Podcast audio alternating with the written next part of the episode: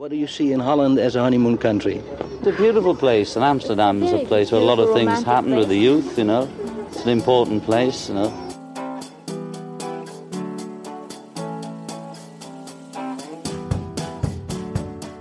Waar denk je aan als ik zeg de jaren 60?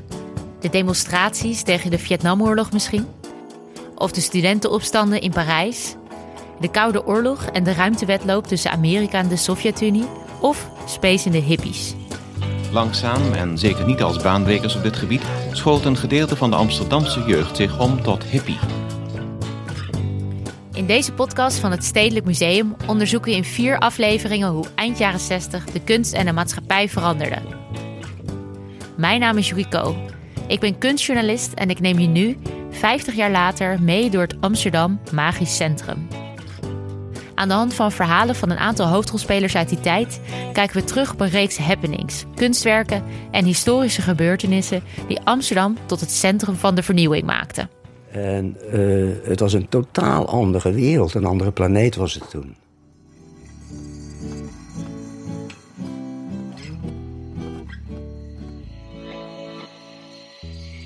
Het is een periode in Nederland waarin de wederopbouw wordt afgerond en de welvaart stijgt. Mensen kopen koelkasten, stofzuigers, hun eerste kleuren-tv en gaan op vakantie. Het aantal brommers verdubbelt tussen 1950 en 1960, aangevoerd door nozems met vetkuiven. Jeugdcultuur doet zijn intrede. Babyboomers worden jongeren en rebelleren tegen het establishment.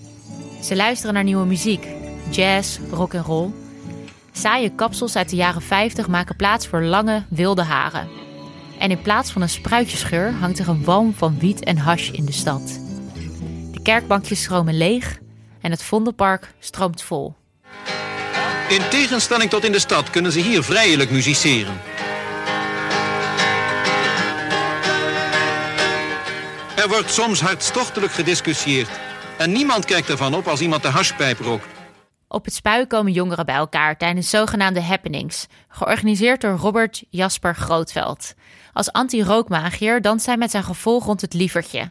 En later sluiten ook de provo's zich aan.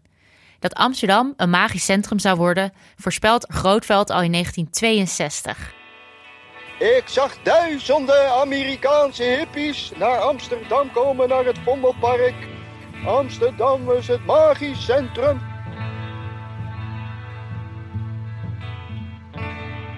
De tentoonstelling Amsterdam Magisch Centrum in het Stedelijk Museum laat zien hoe de Nederlandse jeugd zich niet alleen op straat roert, maar ook in tijdschriften, muziek en beeldende kunst.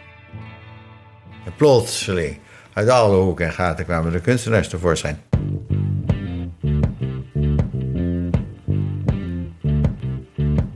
De verbeelding doet een gooi naar de macht. Maar hoe zag die verbeelding er eigenlijk uit? Hoe werd Amsterdam eind jaren 60 het centrum voor vernieuwing in de kunst? Wie waren deze nieuwe kunstenaars en wat bewoog hen? Kunstenaars hadden niet zoveel zin meer om kunstwerken te maken met olieverf of met brons of steen. Rommelde ook wat met potaarde, stond erin. Ze hadden popaard niet verstaan. Ze hadden potaarde. Het is, het is een bewijsstuk dat niemand had nog van popaard gehoord.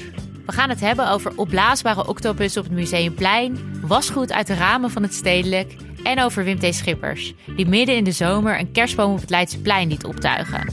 Maar we laten ook zien dat het Amsterdam van de jaren 60 niet voor iedereen even magisch was.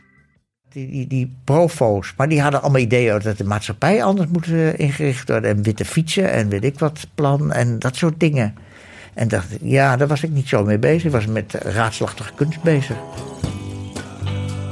We halen herinneringen op met kopstukken uit die tijd. Zoals Maria van Elk, Jeroen Henneman, Dunja Verwij en Marines Boezem. Die allemaal hun eigen verhaal hebben. Al die kunstenaars maakten wat anders. Het was veel en het was divers. De een was conceptueler dan de ander. De conceptuele kunst was ook een soort nouveauté. Er was, er was wel een schaduw. Dat was Marcel Duchamp.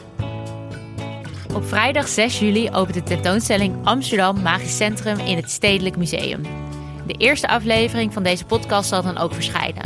Daarna komt er iedere vrijdag een nieuwe aflevering bij. Wil je er geen een missen? Abonneer je dan in iTunes op de podcast van het Stedelijk Museum of kijk op www.stedelijk.nl.